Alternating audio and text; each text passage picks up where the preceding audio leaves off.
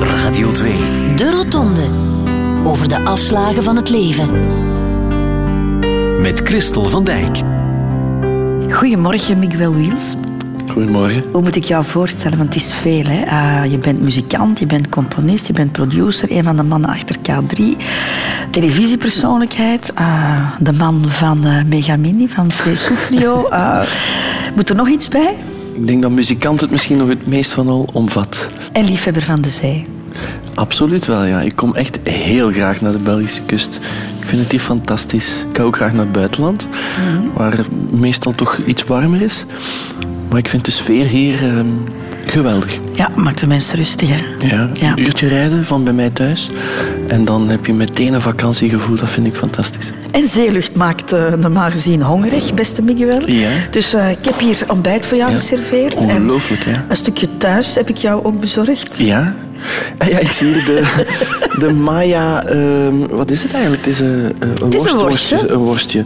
Maya worstjes. Ja, voilà. Dan is, uh, dan is mijn eigen Maya toch ook een beetje bij mij. Radio 2. De Rotonde.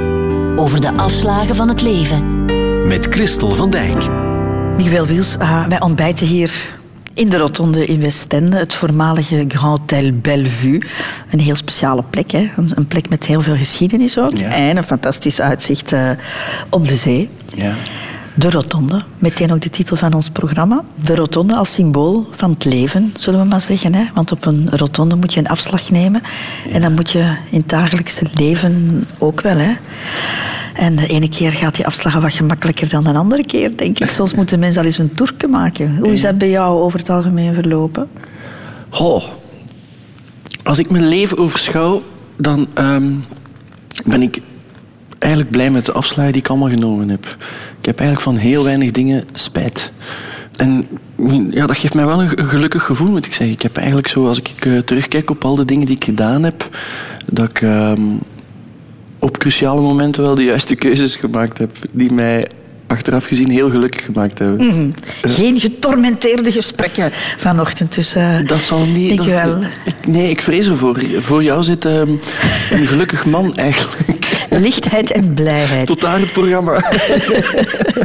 Pas op, we gaan eerst iets doen um, aan, ja? uh, aan jouw Wikipedia-pagina. Ah, okay. Ja, want als we die nu ja. openslaan, jouw Wikipedia-pagina op het internet, dan ja. lezen we heel sec dit. Miguel José Erik Wils, Sint-Amansberg, 11 september 1972, is een Vlaams artiest, componist en producent. Voilà. nou, er staat nog wel, wel, wel wat meer op, maar het gaat eigenlijk allemaal uh, over jouw werk, Miguel. Ja? En een mens is uh, meer dan uh, werk alleen natuurlijk. Ja, dat is zo, ja. Dus we hebben stand-up comedian Han Koeken daar even iets aan laten doen. En die heeft daar een meer menselijke versie van gemaakt. Oké. Okay. Miguel Wils werd geboren te Sint-Amansberg op 11 september 1972. Zijn moeder Chris wint er geen doekjes om. Hij is geboren met een keizersnede. Hij was van in het begin al een beetje dwars zo. Dwars, maar niet gespeend van één groot talent. Dat was al duidelijk vanaf zijn derde levensjaar, weet mama Chris. Als wij naar de winkels gingen, of Sinterklaas, of cadeautjes, dat was altijd muziek dat hij koos.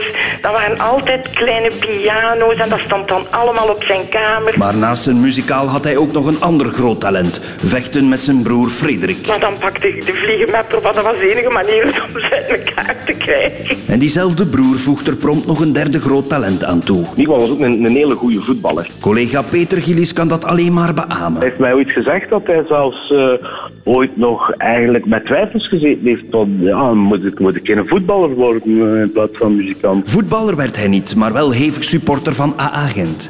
Een onbegrijpelijke keuze volgens broer Frederik, zelf hevig supporter van Club Brugge. En zo twee dingen die niet echt samen gaan, mooi voetbal en, en AA Gent. Ten huize Wiel zat mama Chris alvast klaar met de vliegenmapper als Brugge tegen Gent moest spelen. Maar ondanks alle voetbalgekte koos Miguel vanaf zijn 12 jaar voluit voor de muziek, getuigt mama Chris. Dat was altijd in de nacht dat hij mij kwam halen. Zelfs ook als hij al zo klein was dat hij zei...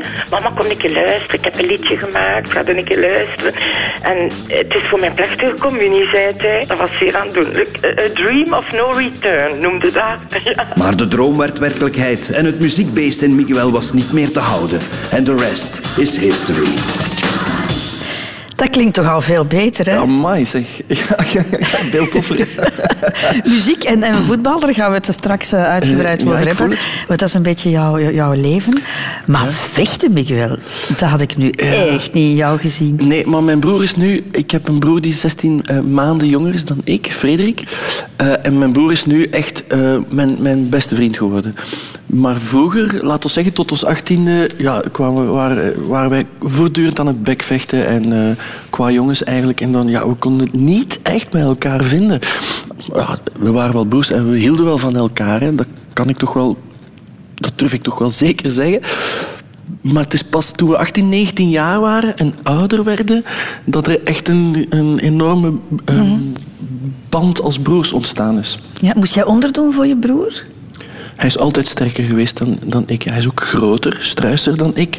En ehm, ja, tijdens eh, ehm, het vechten dan, eh, moest ik wel onderdoen. Ja, ik heb een, om nooit gewonnen. Zie je jouw moeder met de vliegenmepper erop? Ja, ja, ja. Maar moeder, ja, dat was dan, moeder was dan nog een kop kleiner dan ik, wijze van spreken. Dus die, eh, die had dan zo twee zonen die eh, voortdurend aan het ehm, bekvechten waren of, het, of, of aan het vechten waren. En dan had zij er op een bepaald moment niet beter op gevonden dan de vliegenmepper boven te halen. En ik weet niet, Christel, of je dat al eens eh, gevoeld hebt op een, op een blote bil of whatever. Dat komt aan, hè, een vliegenmepper. Maar we waren wel een harmonieus gezin, hoor. Een echte grote rebel zat er niet in jou. Nee, nee. Ik eh, nee, ben eigenlijk, eh, denk ik...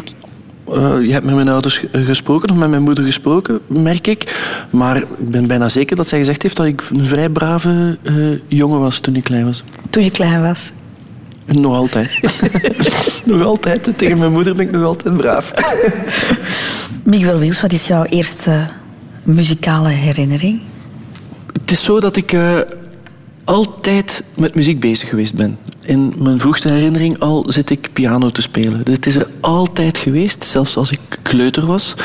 Ehm, Ja, je moeder zei het, hè? als je Ja. voor Sinterklaas eh, Ja. een cadeautje, je vroeg een, een, een piano. ja, het is heel vreemd dat dat er eh, altijd geweest is. En ik heb eh, van zo, zo, ja, eigenlijk van zodra ik wist hoe een platenspeler bediend kon worden, zat ik in de platenkast van mijn ouders en ehm, pikte ik daar de LP's en de platen uit. En dan zette ik die open en dan op mijn kamer, ik had zo'n klein keyboardje gekregen of misschien zelf gevraagd aan Sinterklaas. En als drie, vier, vijfjarige zat ik echt al met mijn vingers eh, die melodieën na te spelen of probeerde ik mee te spelen. Er is altijd muziek geweest bij mij. Maar tussen luisteren en, en, en zelf spelen is Ja. nog een wereld van verschil. Hè? Ja, dat is waar. Maar ik- in- zelfs in mijn vroegste herinnering was het voor mij duidelijk dat ik eh, muzikant zou worden. Ehm, ik keek als zes, zeven, achtjarige naar televisieprogramma's en ik zag daar een live band spelen. En dan dacht ik van, als ik later groot ben, dan wil ik dat ook doen.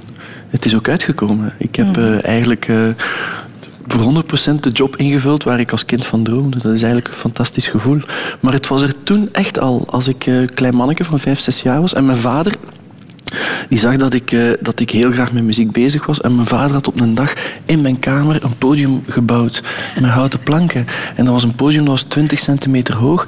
En dat, dat had hij gebouwd. En hij had zo van die eh, gekleurde spots daarboven gehangen die ik zelf kon bedienen. En daar stond een micro. En, en ik was aan het optreden op mijn kamer. Dus ik had eigenlijk al mijn eigen eh, lotto-arena in Beervelde. Maar dan in het heel klein. En daar stond ik dagenlang op het podium Wiltura te playbacken. Of Elvin Stardust. Pretend you happy when you... Dat was echt het liedje waar ik... eh, ik denk dat ik dat duizend keer sta zingen. Ja, ik zou het misschien vreemd vinden als een van mijn kinderen eh, zo obsessief zou bezig zijn. Ze hadden misschien met mij naar een psychiater moeten gaan of zo. Nee, maar, maar ik, was, ik, was, ik, ik denk wel dat ik een normaal kind was. Christel, ik was ook met voetbal bezig en ik was ook eh, buiten eh, cowboy en indiaantje aan het spelen. En ik eh eh, ravotte op straat met de buurjongens en zo. Dus ik was niet een kind dat zich opsloot op zijn kamer. Ja, toch Maar er was- vrienden en zo, Miguel. ja, ja, ja, absoluut, absoluut, absoluut. Maar dan ligt dit er nu uit. Hè. Maar het was wel dat ik, ik was daar he- he- heel erg mee bezig. Ja, Ja, maar het- het nam soms toch wel buitensporige proporties aan. Want er was de jaarlijkse vakantie in, in Blankenbergen bijvoorbeeld. Mickey wou niet mee naar het strand. Hij wou liever luisteren naar het muziek. Dus ik zette hem daar af. Eh, Bobby Setter beloofde mij toen van een oogje in het zeil te houden. Want ja, wij zaten op het strand en hij zat daar. En af en toe ging ik een keer bij hem van... En Mickey gaat een keer niet mee. Nee, nee, ik wil blijven luisteren. En die zat dan een ganse dag naar dat orkest te kijken. Een ganse dag. Ja, maar nu overdrijft mijn moeder wel een beetje, want ze stonden daar natuurlijk geen ganse dag te spelen. Maar het was wel zo dat ehm, toen eh, iedereen met pak en zak naar het strand trok en ik zag dat het eh, orkest van Bobby Setter zich klaarmaakte om, eh, om aan hun set te beginnen, ja, ik smeekte mijn moeder bijna van mag ik hier echt niet blijven zitten en kijken. En dan ehm, ja, gaf mijn moeder een beetje geld, denk ik, aan de ober. En ja, geef hem af en toe maar een cola of een chocomelk. En, ehm, en ze kwam regelmatig wel eens checken hoe het met mij was. Maar ik zat werkelijk urenlang naar die, naar die mannen te kijken. Ja. Dat waren mijn eerste idolen. De, de Bobby Setter Band. Met Karin Setter, zijn dochter. En dan die muzikanten. En ik keek daar naar op. En ik vond, ja, ik, ik vond dat geweldig wat die kerels deden. En die, die speelden en die speelden. En, en die eh, herinneringen heb ik nog levendig. Zeg maar, jouw ouders hadden er heel veel begrip voor dan toch? Hè? Ja, ik ben daar zeer dankbaar voor, want die hebben dat eigenlijk altijd eh, laten gebeuren. Moet zeggen, die hebben dat nooit geforceerd. En die hebben dat altijd laten gebeuren en, en gestimuleerd ook. Ehm, eh, die hebben mij ook niet meteen op mijn vier jaar naar een muziekschool gestuurd. Die hebben dat eerst een beetje de, een beetje de kat uit een boom gekeken. En toen pas, als ze zagen dat het... ehm, vrij serieus werd en dat het niet overging, die ziekte, eh, hebben ze in plaats van de psychiater dan voor de muziekacademie gekozen. Ja. Miguel Wiels, ehm, de muziek was alles voor jou. Hoe ging het op school? Makkelijk. Ik, eh, ik deed nooit, ik heb het nooit graag gedaan. Je hebt dat in Grieks gedaan dan toch? Hè? Ja, maar zeer tegen mijn goesting. Van de eerste dag tot in het zesde middelbaar, de laatste schooldag, heb ik dat eigenlijk tegen mijn goesting gedaan. Ik vond het niet leuk om naar school te gaan en ik wou muzikant worden. Maar ik was eh, een goede leerling. En dan, ja, je hebt zo, als je in het zesde studiejaar zit, het laatste jaar van het basisonderwijs, dan heb je zo van die PMS-testen. En eh, dan gaan ineens ehm, andere mensen eh, met een deskundige mening gaan zeggen of jij klaar bent om eh, Latijnse te doen dan wel technische school te doen of zo. En het verdikt was dat ik ehm, Latijnse aankon en dat dan ook maar moest gaan doen. Ik moet wel zeggen, ik heb daar achteraf geen spijt van gehad. Ehm, eh, het, het heeft mij wel ge- geholpen. Het, heeft, het, is een, het is een bepaalde vorming die in het leven wel... Ik kan, ik kan een, een, ehm, een mail schrijven zonder fouten. En, en, en het geeft wel een bepaalde structuur in, in, in, in hoe je een boekhouding doet. Of, eh, dus dat, dat heb ik allemaal wel geleerd in de Latijn-Griekse. Ik heb dat echt tegen mijn goesting gedaan. Wiens keuze was het dan eigenlijk? Van jouw ouders? Mijn ouders hadden achteraf gezien terecht wel, wel ehm, het idee dat eh, een goede vorming minstens even belangrijk was dan, dan het worden van muzikant. En ehm, ja, dan ben ik naar die Latijn-Griekse gegaan en ik heb op mijn twaalfde dan een afspraak gemaakt met mijn ouders van oké, ik zal het doen, geen probleem. Ik begrijp jullie, maar als ik 18 ben, dan mag ik mijn goesting doen. En zij hebben zich daaraan gehouden en ik ook. En ik had gezegd van ik zal zorgen dat ik er zonder buizen door geraak. Ik heb ook nooit een herexamen gehad. Ik heb ook nooit te veel gestudeerd. Ik zorgde altijd dat mijn uitslagen zo rond de 60, 70 procent zaten. Dus eh, ik werkte zeker niet te veel. Dat vond ik verspilde energie, maar ook niet te weinig. Want dan zou ik in de vakantie moeten terugkomen en zo. Dus dat, ja, dat, dat moest ik absoluut zeker vermijden. Dus ik heb dan echt heel erg, ehm, ja, bijna mathematisch gezorgd van als ik dat ken en dat ken en dat ken, dan ben ik er door. En zo heb ik mij door die zes jaar Latijn-Griekse geworsteld. En toen ik thuis kwam, eh, eh, toen ik 17 jaar was, na, eh, eh, na mijn uitslag, ik was er door. Ik heb mijn rapport op tafel gegooid. Ik heb gezegd tegen mijn pa en mijn ma, ik ben er door. Ik heb mijn plicht gedaan en nu is het aan mij. En dan ben ik naar het conservatorium gegaan. Maar dat jij op je twaalfde al zo volwassen was. Ja, maar ik was wel een normaal kindje, Christel. Ik vind dit niet echt normaal. Ik zou denken dat een kind van 12 op tafel slaat en, en, en, en boos is en, en stampvoet. En, en, Ja. Maar jij maakt dan zo bijna als, als een notaris een akte op. Ja. Ja. Nou, inderdaad, als je er nu over op terugkijkt, zo normaal was dat niet. Het is wel echt gebeurd. En dus ja, je had dan dat diploma en Ja. was je van plan om eh, naar het conservatorium te Ja. gaan? Stoppen met school En naar het conservatorium gaan, dat gaf mij de vrijheid om in groepjes te spelen en om, eh, om eh, te gaan optreden. Wat ik trouwens al deed van mijn tien jaar, hè, optreden. Ik heb mijn eerste centen met muziek verdiend toen ik, eh, toen ik nog elf jaar moest worden. Omdat ik van mijn achtste naar de academie ging. En dat ging zodanig vlot en goed. En mijn vader en mijn moeder kochten mij een elektronisch orgel. En toen ik tien jaar was, zat ik op een jaarbeurs in Gent te spelen. En ik kreeg daar 5000 frank voor. Dat was, dat was ongelooflijk.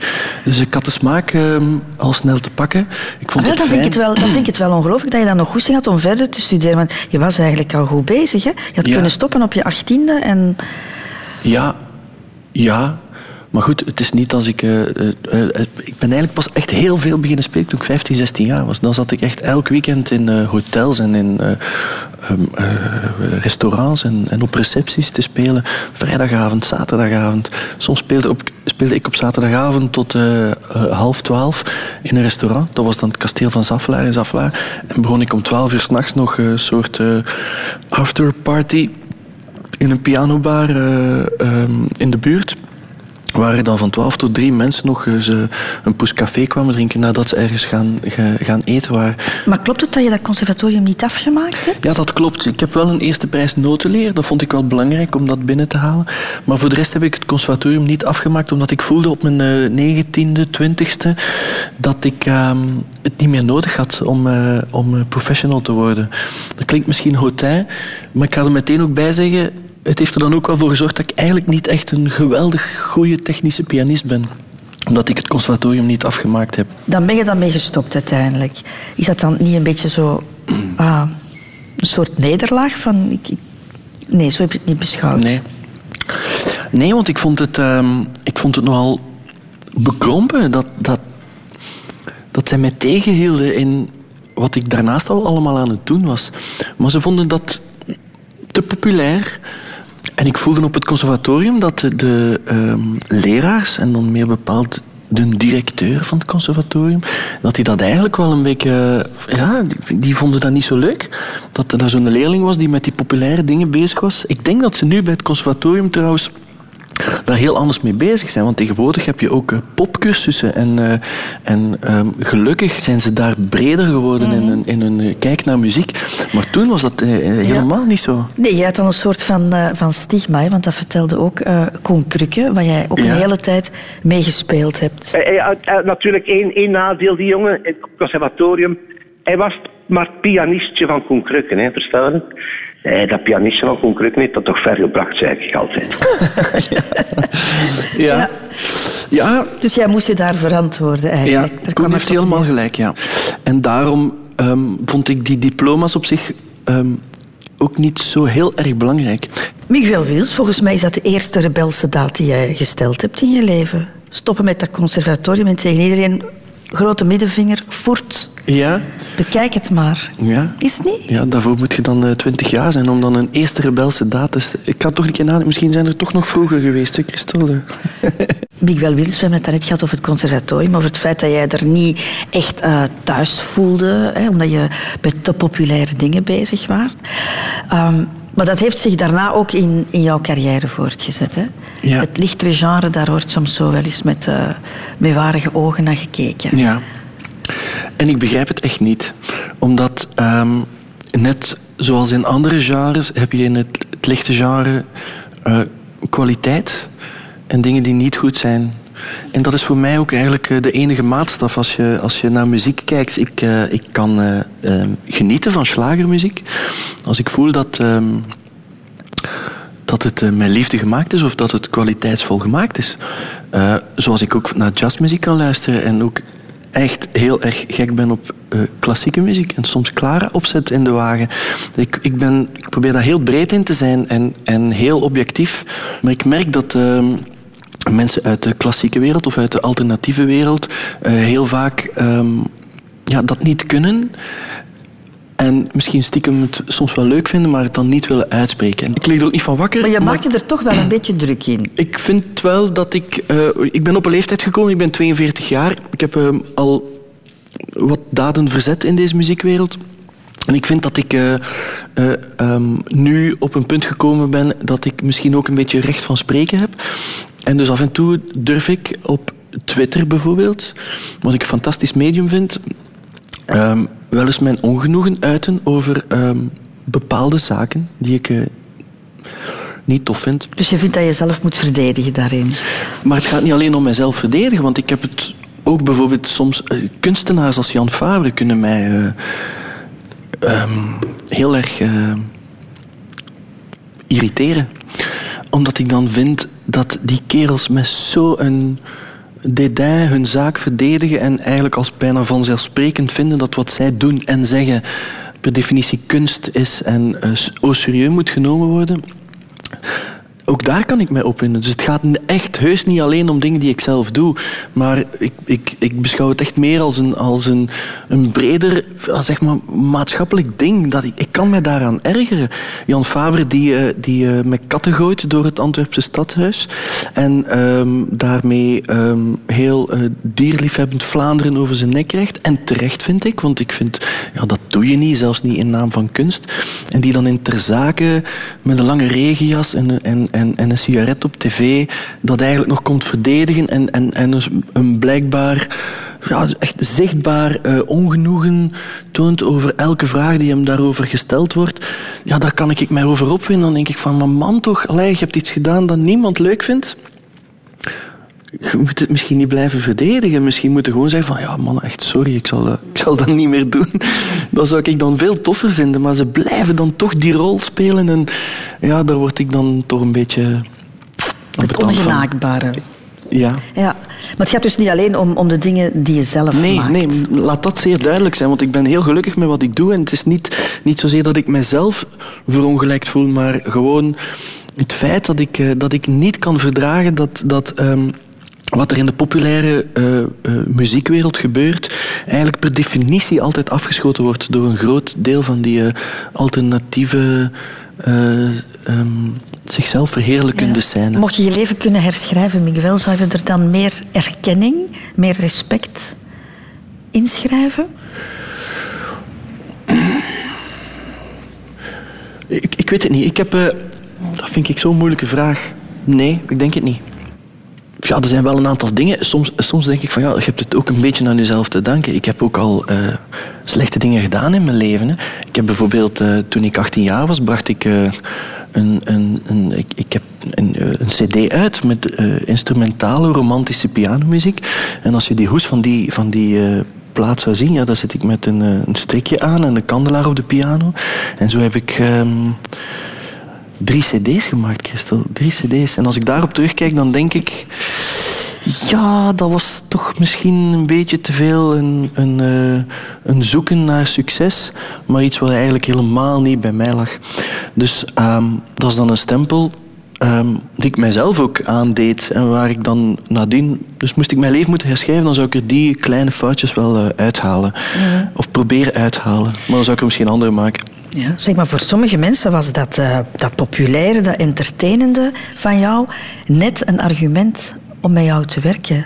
Voor de grote Paul de Leeuw bijvoorbeeld. Toen ik werd gevraagd door de VTM om eh, um, met Manneke Paul te beginnen, toen eh, zei ze het liefst ook met een, met een Vlaamse band. En ik zei, ja, maar ik ken niemand in eh, Vlaanderen die muziek maakt. En toen zeiden ze, de directie van VTM, nou, Miguel Wiels, die is wel eh, goed. En ik zei, ja, maar wat heeft hij dan gedaan? En toen zei hij van, nou, hij heeft, hij heeft alle liedjes geschreven van K3. En hij is getrouwd met Mega Mindy. En toen zei ik, nou, dan doen we hem. Maar toen zei ze, maar moet je dan niet horen hoe die speelt? Nee. Ik zeg, als je getrouwd bent met Mega Mindy en je hebt alle liedjes van K3 ge- geschreven, dan ben je heel erg goed. En toen wist ik ook dat het heel grappig gemaakt konden worden. Ja, ja, ja, ja. Vooral dat natuurlijk. Miguel Wiels, naast muziek heb jij nog een passie. Ja. En dat is voetbal. Je, Ja. eh, je hele leven speel jij al voetbal. Ja. En niet slecht, hè? Ja, maar nu, ik ben nu 42, het beste is er toch af. maar ik was, eh, toen ik jong was, een, denk ik wel begenadigd voetballer. Ik had misschien een carrière kunnen maken daarin. Maar het was eigenlijk, ik heb het daar straks al verteld, het was eigenlijk gewoon heel duidelijk dat ik muzikant zou worden. Dus het is wel zo dat, ehm, dat op een bepaald moment eh, ja, zich zo'n tweesprong eh, aandiende. Van ja, ga ik nu echt helemaal voor die sport gaan leven? Of ehm, ga ik voor de muziek? Maar het was duidelijk dat het muziek eh, zou en moest worden. Want ik denk dat ik nooit zo het, het in de voetbal nooit zo echt heel ver had kunnen schoppen. eh, of zoveel had kunnen uitbouwen als dat ik als muzikant kunnen doen heb. Is dat de reden geweest? Dat je niet in de voetbal bent, bent doorgegaan? Ik, eh, het, het moment van de keuze kan ik mij niet echt meer herinneren. Wij willen toch eens weten wat er eigenlijk fout gelopen is in die voetbalcarrière van jou, waar eh, ja, die ommekeer gebeurd is.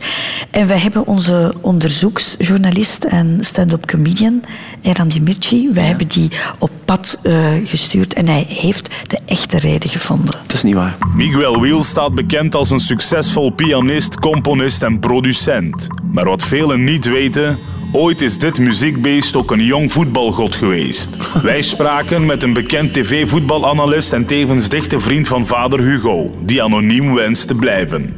Hij herinnert Miguel als groot talent uit Beervelde. Ja, nou, als ik Miguel vergelijk met de huidige generatie stervoetballers, dan denk ik meteen aan Messi. Voor- Vooral qua grootte dan, hè? Eh, nee, serieus, hij kon al heel jong uitzonderlijk goed voetballen. Eerste klas, gegarandeerd. Het jonge voetbaltalent werd door het hele dorp op handen gedragen.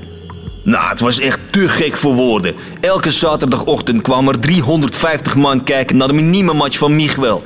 Topscouts van onder andere Anderlecht, Ajax, Feyenoord, Manchester United, weet ik veel. En natuurlijk Meelbeker VK stonden langs de lijn. Nou, ik weet nog wat zijn vader zei. Als hij 12 is, transfer naar een topclub. Sowieso. De liefde voor de bal overheerst zijn leven. Tot die ene 13 oktober 1984. Miguel, kapitein van de ploeg, speelt tegen de aardsrivalen uit Gent-Zeehaven. Hij scoort een hattrick en deelt assists uit. Tot minuut 39. De supporters scandeerden al minutenlang zijn naam. De meisjes gilden heel Beervelde bij elkaar. En plots legde Miguel het spel stil. Omdat hij zich zo ergerde aan het niet toonvaste gezang van de supporters. Miguel beslist op dat moment de supportersliederen naar een hoger niveau te stuwen. En begint verwoed zangstondes te organiseren en nieuwe teksten te schrijven. Nou, twee maanden later had Miguel nog altijd geen rentree gemaakt op het veld. Het moet ook ongeveer in die periode geweest zijn dat drie van die gillende meisjes rond het veld bij Miguel kwamen om mee liedjes te schrijven en te zingen voor hun ploeg. Wij van de Rotonde gingen op zoek naar deze meisjes, intussen vrouwen, voor een reactie. Maar dit bleek al snel een hopeloze zoektocht. Tja, wij hebben natuurlijk zelf ook al gezocht hoor, natuurlijk. Maar niemand kende de volledige namen van deze dames. En ja, als we alle Karis, Christels en Katleens in Vlaanderen moeten gaan opbellen... ja, dan is het einde ook zoek. Heel grappig. Eh, ja, voilà. Dus de keuze voor de muziek is het geweest. Hè? Ja, hij neemt Jouw op zijn minst gezegd een loopje met de waarheid. Maar, eh, maar heel, heel grappig. Het had Ja. zo kunnen gaan eigenlijk. Ja. Ja. En jouw ploeg is eh, nog altijd agent. Ja, ja dat is dan ehm, een ander aspect van het. Want je, je kan zelf voetballen, maar, maar ik ga ook nog heel graag eens kijken. En eh, mijn vader heeft me voor de eerste keer meegenomen naar A-agent toen ik zes jaar oud was. Ja, en ik was meteen gebeten. En ik heb echt een, ehm, een enorme voorliefde voor die, voor die ploeg en voor het spelletje. En dan, ik ga zo graag kijken. En dat is eigenlijk de enige plek waar ik ehm, al de rest helemaal van mij af kan schudden. En een ander aspect van dat voetbal kijken van, van A-agent is dat het ook voor mij een, een, zo, het bijna enige vader-zoon moment nog is dat ik met mijn eigen vader heb. Waar ik eh, enorm eh, van geniet. Maar hoe ver jouw liefde gaat voor agent, Ja.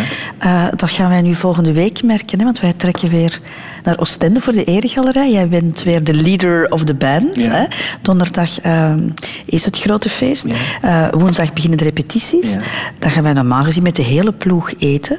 Op woensdag. Maar Miguel Wiels zal niet bij ons aan tafel zitten. Nee, kijk maar, weet je, volgende week woensdag speelt, speelt mijn geliefde A-agent, de Gantoise, speelt eh thuiswedstrijd voor de halve finale van de, van de Beker van België tegen Anderlecht. En ehm, de keuze is zo moeilijk. Ja, ja. Ik weet het niet goed. 2 of agent. Je hebt beslist. Ja, wel, eh, maar, maar heb ik al beslist? Dat, eigenlijk nog niet. Eigenlijk heb ik nog niet beslist. Ehm, maar het zal misschien toch voetbal worden. Sorry. Miguel Wiels. Jouw ongekende kant. Ja, Voor mij dan toch. Ja. Ehm, maar ik wil jou eerst iets laten horen. Je hoort je mama, je broer Frederik en Koen Krukke. Heel veel vriendinnetjes had. Heel veel, ja. Eh, dat was niet te toen, een charmeur, ja, ja. Miguel, had, eh, Miguel is, een, eh, is, is, is altijd een gezonde jongen geweest als hij jong was. Hè. Dus die had wel, eh, die had wel, wel een, een, vriendinnetje links en een vriendinnetje rechts. Hij heeft er veel gehad, ja. en, hij was, en, en hij was direct verliefd en ik zei, ja, Miguel, dat is een schone. Hè. Dus dat deed dus ook mij toch bijhouden. Dus, en na de 14 dagen was het gedaan, dus ja, was weer een ander, ja. Alleen man. Een gezonde Miguel jongen, Wiels, een gezonde jongen, een charmeur, de grote verleider. Dat heb ik niet gehoord. Hè. Dan, dan Dat je er ik zelf aan hè? toe. Ehm, ik heb Frey eh, pas op latere leeftijd leren kennen. Je was al in de dertig, hè? Ik De was toen al, 33 eh, of zo? Mhm. Het was 2004, dus ik was 32 jaar. Toen ik haar leerde kennen. En ehm, dat is eigenlijk op een eh, perfect moment in mijn leven gekomen, namelijk vrij laat. Dus ik heb niet het gevoel, ehm, nu ik eh, getrouwd ben, dat ik ehm, een aantal dingen gemist heb. Maar het mag ook niet overdreven worden, want ik heb ook wel een, een, een pak serieuze relaties gehad in mijn leven. Ik heb paar keer samengewoond en dan eh, ehm, was het, meende ik het ook wel serieus. Hè? Maar het, wa- het zijn vooral de periodes ertussen die eh, nu beschreven worden eigenlijk. En dan ben je 32 en dan Ja. ontmoet je Frey. Ja, dat is gebeurd op een, een productiefeestje van eh, vijf jaar K3 bij, ons- bij- bij Studio 100. En eh, Gert Verhulst had alles een jaar op voorhand, denk ik, voor ik Free echt leerde kennen, had Gert dus tegen mij gezegd... We hebben hier in onze stal een nieuw jong meisje, Free Soufrio, die in de musical, eh, eh, die zat in een of andere musical van Studio 100 gestaan.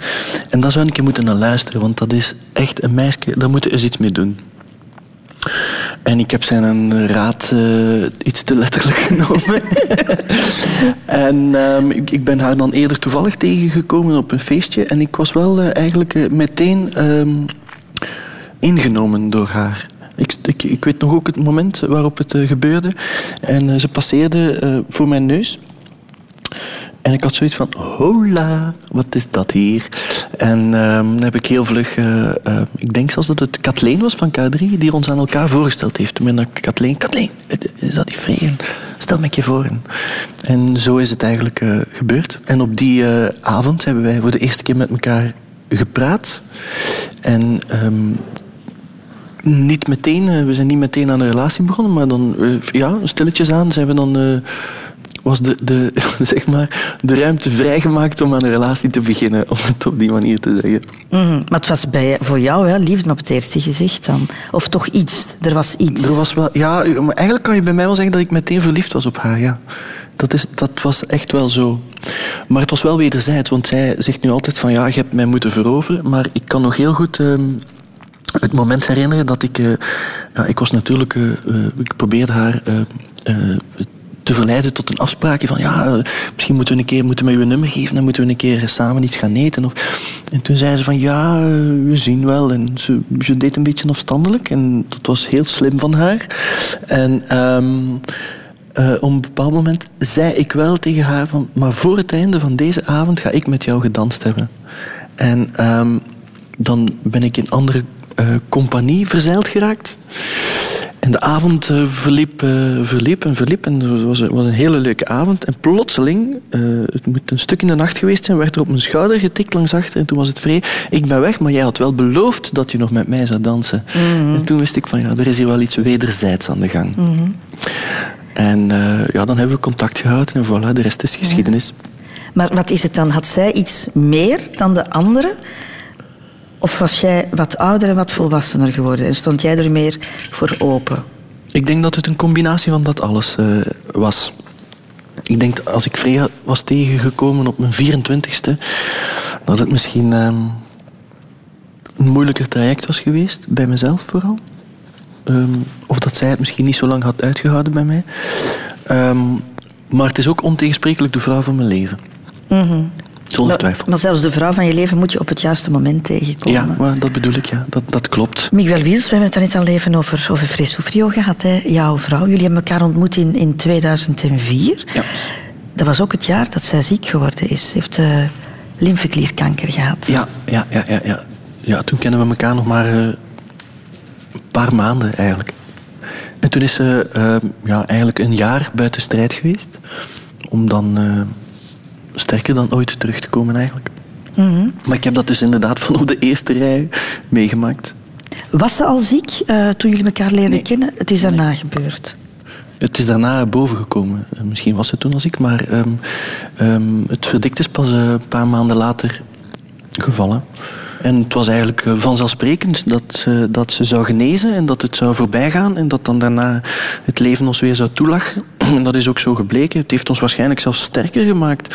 En ehm, ik denk dat wij ehm, na een jaar misschien ja, een sterker koppel waren dan, eh, dan eh, andere eh, koppels die elkaar een jaar kennen. Een serieuze behandeling ook gehad, hè? chemo. Ah, wat ook altijd wel een, een, een weerslag heeft op, op de vruchtbaarheid hè? bij een vrouw. Ja, dat was misschien nog het grootste probleem. Pas op, daar vertellen we ook niet, niet, niet geweldig eh, veel het verhaal in de pers over. Maar ik wil, ik wil dat wel even toelichten. Maar dat was inderdaad wel, wel nog het grootste probleem. Want Free wou echt ook heel graag mama worden. En ik wou wel heel graag papa worden ook nog eh, in mijn leven. En toen die behandeling eh, bezig was, ja, toen waren er toch signalen vanuit de dokters die zeiden... Ja, maar het zou wel, het zou wel eens kunnen dat jullie eh, geen kinderen kunnen krijgen later. We vonden dat zeer erg, maar tegelijkertijd, ja, je, eh, zij vocht dan tegen kanker. Ja, en dan is eh, ehm, het feit of je later al dan die kinderen kan krijgen toch ook maar een bijzaak. Want uiteindelijk wil je in de eerste plaats dat, eh, dat je lief geneest. En- Denk je dat? Was, was dat een bijzaak? ja, ja, eigenlijk, ja, bijzaak, weet je. Ja, natuurlijk is dat geen bijzaak, het verdikt of je al dan niet kinderen kan krijgen. Maar ehm, het was toen toch niet de hoofdzaak waar wij mee bezig waren. Want zij moest genezen en dat was, eh, dat was het allerbelangrijkste. En dat andere probleem zouden we wel aanpakken eens het zich aandiende nadat eh, die hele ehm, periode van behandeling voorbij was. Maar goed, het, het sluimerde toch wel eh, in onze gesprekken van wat als, wat als... Had jij dat kunnen aanvaarden? Ja. Ja. Want die bedenking heb ik mij vaak gemaakt. Van, ehm, wat met mij? Hè? Maar het was voor mij duidelijk van, dat is de vrouw waar ik eh, voor de rest van mijn leven mee verder wil. En dan vinden we wel een andere oplossing. Dan zullen we adopteren of... eh, ehm, of eh, ja, ja, ja, ik, had het aanvaard. Absoluut zeker. En dan is het toch gelukt. En dan is het toch gelukt, ja. Op een natuurlijke manier. Op een natuurlijke manier. Ja. Ja, het is toch gelukt. Het was, een- was een, een wonder. Plotseling was ze zwanger. En ehm, twee keer kort na elkaar eigenlijk. Dus ehm, ja, de wetenschap staat eh, ehm, eh, op het gebied van vruchtbaarheid ehm, blijkbaar toch nog niet zo geweldig ver. Of er worden er toch nog significante fouten gemaakt. Want waar alle onderzoeken wezen op een zeg maar kinderloze toekomst, hadden we er ineens twee lopen op twee jaar tijd. Mhm. Was dat dan toch plotseling een leuk eitje dat tevoorschijn ja, ja, ja, ja, ja. Er was er toch eh, iets dat... eh, dat ehm, ja, het is er toch van gekomen. Ja. Je, je kunt je wel inbeelden dat ehm, het moment dat we eh, met zekerheid wisten dat ze zwanger was, wat een overweldigend gevoel van euforie dat was voor ons. Dat was ehm, fantastisch. Fantastisch. Ik word er nog week van als ik daaraan denk. De eerste keer dat ik eh, mijn zoon... eh, ehm, of dat ik op die monitor eh, iets zag. En dat de gynaecologe vertelde aan ons van... Kijk, voilà, dat is jullie kind. En ja, dat moment dat is zo onbeschrijfelijk. Dit is een van de mooiste momenten uit mijn leven. Vond ik nog, nog, nog ingrijpender dan de, dan, dan de bevalling, vind ik. Zo eh, het eerste bewijs van, we hebben een kindje. Miguel Wiels, Wolf en eh, Lola, je had het daar net al over. Je schermt jouw gezin heel erg af. Ik denk niet dat ik ooit al een foto van hen gezien heb. Nee. Ik kan er eens in het tonen van mijn gsm. maar inderdaad, in de pers, in de pers ehm, eh, niet, nee. Nee. Dus konden we ook onze babysit, William Boeva, niet naar jouw kinderen sturen. Nee. Hè? Ah, maar ik denk dat hij dat niet zo erg vond, want hij was heel tevreden met het grote kind waar hij op mocht passen. Jouw vader, Hugo.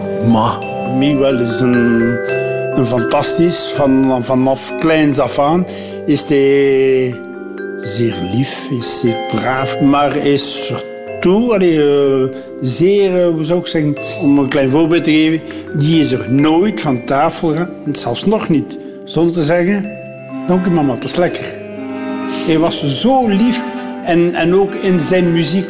En begon al zo een beetje te componeren. Er stond hier een orgeltje. En dan zei hij, mama, mama, moet ik komen luisteren? Ik heb weer al drie of vier noten gespeeld. En mij, ik kan geen notenmuziek. Maar mama is wel eh, meer muzikaal begaafd dan ik. Ik was meer, met Miguel, voetbal bezig. Van mij had mijn keuze geweest, had ik mogen kiezen.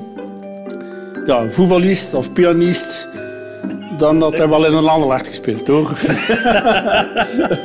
Zeg maar, Hugo, het is dan uiteindelijk toch geen Anderlecht geworden. Hoe, hoe kwam dat dan? Wel, en dan heeft hij natuurlijk, hij ging naar de muziekschool, hij ging naar het conservatorium. Hij was altijd met muziek bezig. Daarmee heeft hij natuurlijk de voetbal een beetje niet tegenstaan. Dat hij, als hij de kans heeft, nog altijd keer gaat gaan meevoetballen met zijn vrienden, met de minivoetbal. Dus, dat hij, Dus hij voetbalt nog altijd, hè? Hij voetbalt nog altijd. En hij, ik kan niet zeggen dat hij de fysiek heeft, hè. Maar de stijl van voetbal en een pasje links en een vrij spelen, dat inzicht had hij dan al. Hij heeft dat nu nog. Zeg, en als, als kind, Miguel vroeger, durf hem ook al eens iets uitsteken? Ik heb niks gezien. Je hebt niks gezien? Nooit iets. maar ja, kinderen. Ik, ik herinner me, ik denk op een zeker moment, die, eh, dus hij reed altijd mee met mij naar Agent. En uh, half de week, als ik iets uitstook heb met zijn broers, ik, dan geloof ik een kleinigheid, dat is onze ketchup in de confituur gedaan. Dat ligt pruit, kinderstreken. Hè. Eh, aan tafel, dat ik zei, wie heeft dat gedaan? En, het heeft hij gedaan, het heeft hij gedaan. Ik kent dat kinderen, de een om de ander steek. Ik zeg, kijk, Miguel. En dat was juist de zondag voordat een Anderlecht naar Gent kwam. En ik zei tegen hem, ah, voor een straf, gaat nu zondag niet mee.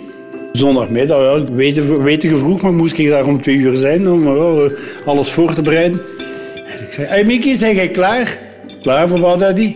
Ik zeg, uh, het is een Anderlecht, dat weet je. Je hebt mij van de week ten onrechte gestraft, papa. Ga nu maar alleen. Ik zweer u, de traantjes vloedigen van mijn wangen tot op haar. Dus nu geloof ik dat hij niet gedaan heeft van die Je had het niet gedaan? Ik denk het wel.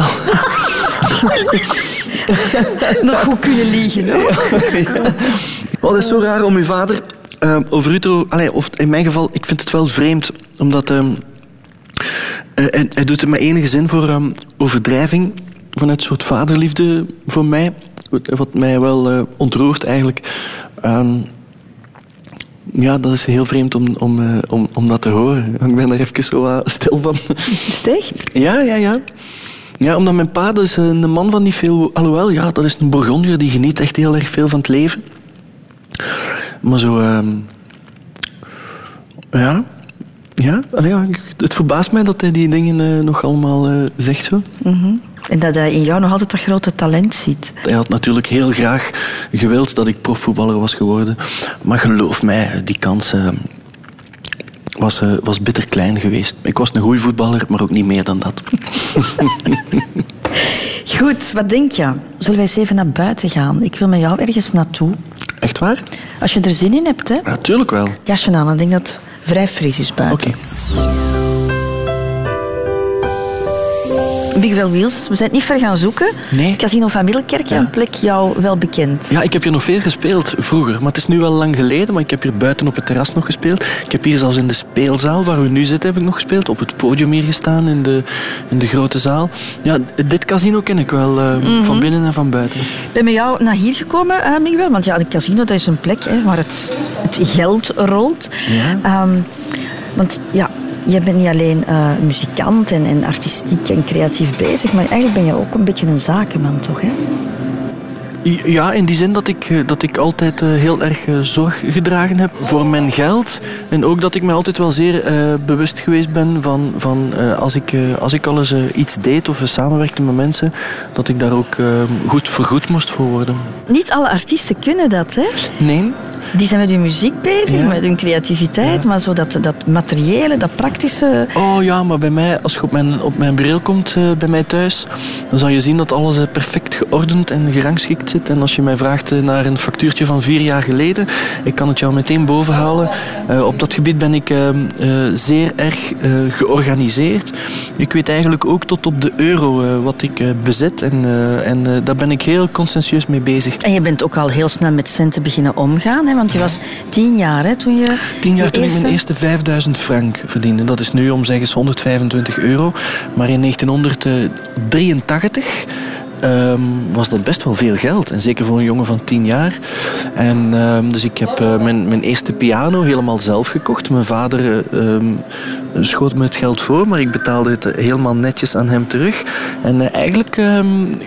eh, ik- en ik ben daar best trots op, kan ik zeggen, dat ik echt helemaal self-made ben. Dat alles wat ik heb opgebouwd en alles wat ik heb bijeen vergaard, ehm, dat ik dat echt allemaal zelf, zelf verdiend heb.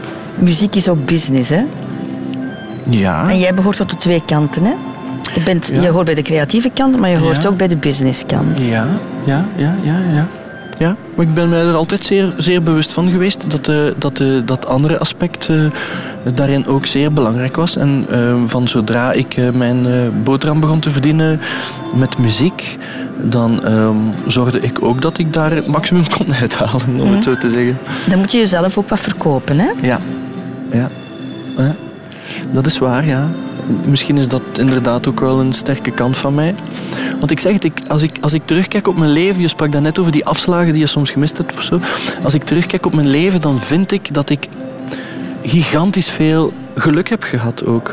Omdat ik eigenlijk best niet zo'n goede muzikant ben.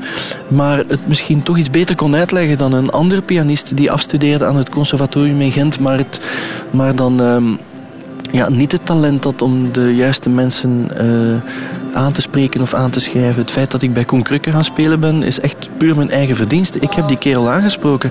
Het feit dat ik eh, mijn eerste hitje schreef toen ik 18 jaar was, samen in de file van Frank Dingenen, eh, dat is echt omdat ik op Frank afgestapt ben en hem gevraagd heb, Frank, ik ben een jonge componist, als je ooit eens een tekst hebt, fax dat dan eens naar mij. En potverdikke een week later, dan faxte hij mij tien teksten en ik haalde er die uit. En een week later, nog eens een week later, kreeg hij van mij een cassetje waarop ik het liedje samen in de file gegeven had. En hij vond het leuk en hij bracht het uit en het, het werd een hit. Dus ik, ik deed het wel zelf, begrijp je? Dus ik verkocht mezelf wel echt doordat ik daar zeer ambitieus elke gelegenheid greep om, eh, om, eh, om, eh, me- om mijzelf te verkopen bij mensen. En op die manier ben ik er echt wel ehm ingerold. Dus dat aspect is minstens even belangrijk.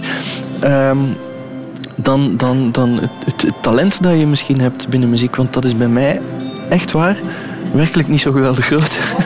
En zoon zijnde van een verkoper ook, hè? Jouw vader was toch ook Ja, verkoper? dat zal ongetwijfeld wel een rol gespeeld hebben. Ja, dat ik eh, eh, de persoonlijkheid van mijn vader, eh, ehm, het- of dat aspect daarvan, daar toch zeker meegekregen heb. Want mijn vader is een hele charmante, innemende, toffe kerel. Die, ehm, als hij hier met jou een uur praat, dan hebben we bij hem een auto gekocht. en bij mijn broer ook eigenlijk. Hè? Ja.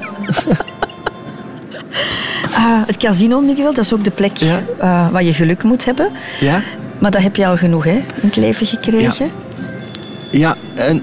Vind jij toch, hè? Ik vind dat zeker. Ik vind het soms beangstigend hoeveel chance ik eh, heb gehad en nog steeds heb elke dag. Mhm. Of is geluk ook de manier waarop dat je met tegenslagen omgaat? Ja, maar ik heb dus het gevoel dat ik ehm, nog maar bitter weinig tegenslagen in mijn leven heb gehad. Ehm, dat is, eh, dat is een, een vreemd gevoel waar ik natuurlijk eh, heel erg blij mee ben. Maar tegelijkertijd vind ik het ook beangstigend. Want tegelijkertijd denk ik van... Het, kan bijna niet dat iemand zoveel chance heeft. Mhm. Dan gaan we dat geluk niet uitdagen vandaag, beste Miguel. Nee, nee, nee. We gaan hier, eh, hier in het casino nog een, een cafeetje met zicht op zee. Daar gaan, Gaan we heen. daar ons ja, geld op ik doen, veel hè? toffer. Ik trakteer. Zeg Miguel, we hebben heel veel teruggekeken vandaag, Ja. hè, uiteraard. Hè. Ehm, we moeten ook even vooruitkijken. Hè. Ja. Met blik op de zee, de toekomst. Vasthouden wat er is. Mhm. Dat is het enige wat ik kan aan denken, jong. Dat is zo... eh, misschien is dat, is, dat, is dat saai, hè. Maar ik ben zo content met al wat dat er is, dat ik het gevoel heb dat dat nog zo lang mogelijk moet blijven duren. Dat mijn ouders zo lang mogelijk moeten gezond kunnen blijven leven en dat, dat alles goed gaat met mijn kinderen en, en met mijn vrouw en, en met mijn job. En Ja, ik doe eigenlijk ja, ja, gewoon vasthouden wat er is. Het moet niet mee zijn, het is oké. Dat hart van jou, daar staan niet veel littekens op. Dat is nog niet dikwijls genaaid moeten Nee, worden, nee, hè? nee, nee, nee, hè? nee, nee. Maar houd vasthouden, alstublieft. En op je tachtigste, Miguel? Op mijn tachtigste zie ik mezelf eh, in een appartementje aan de zee wonen.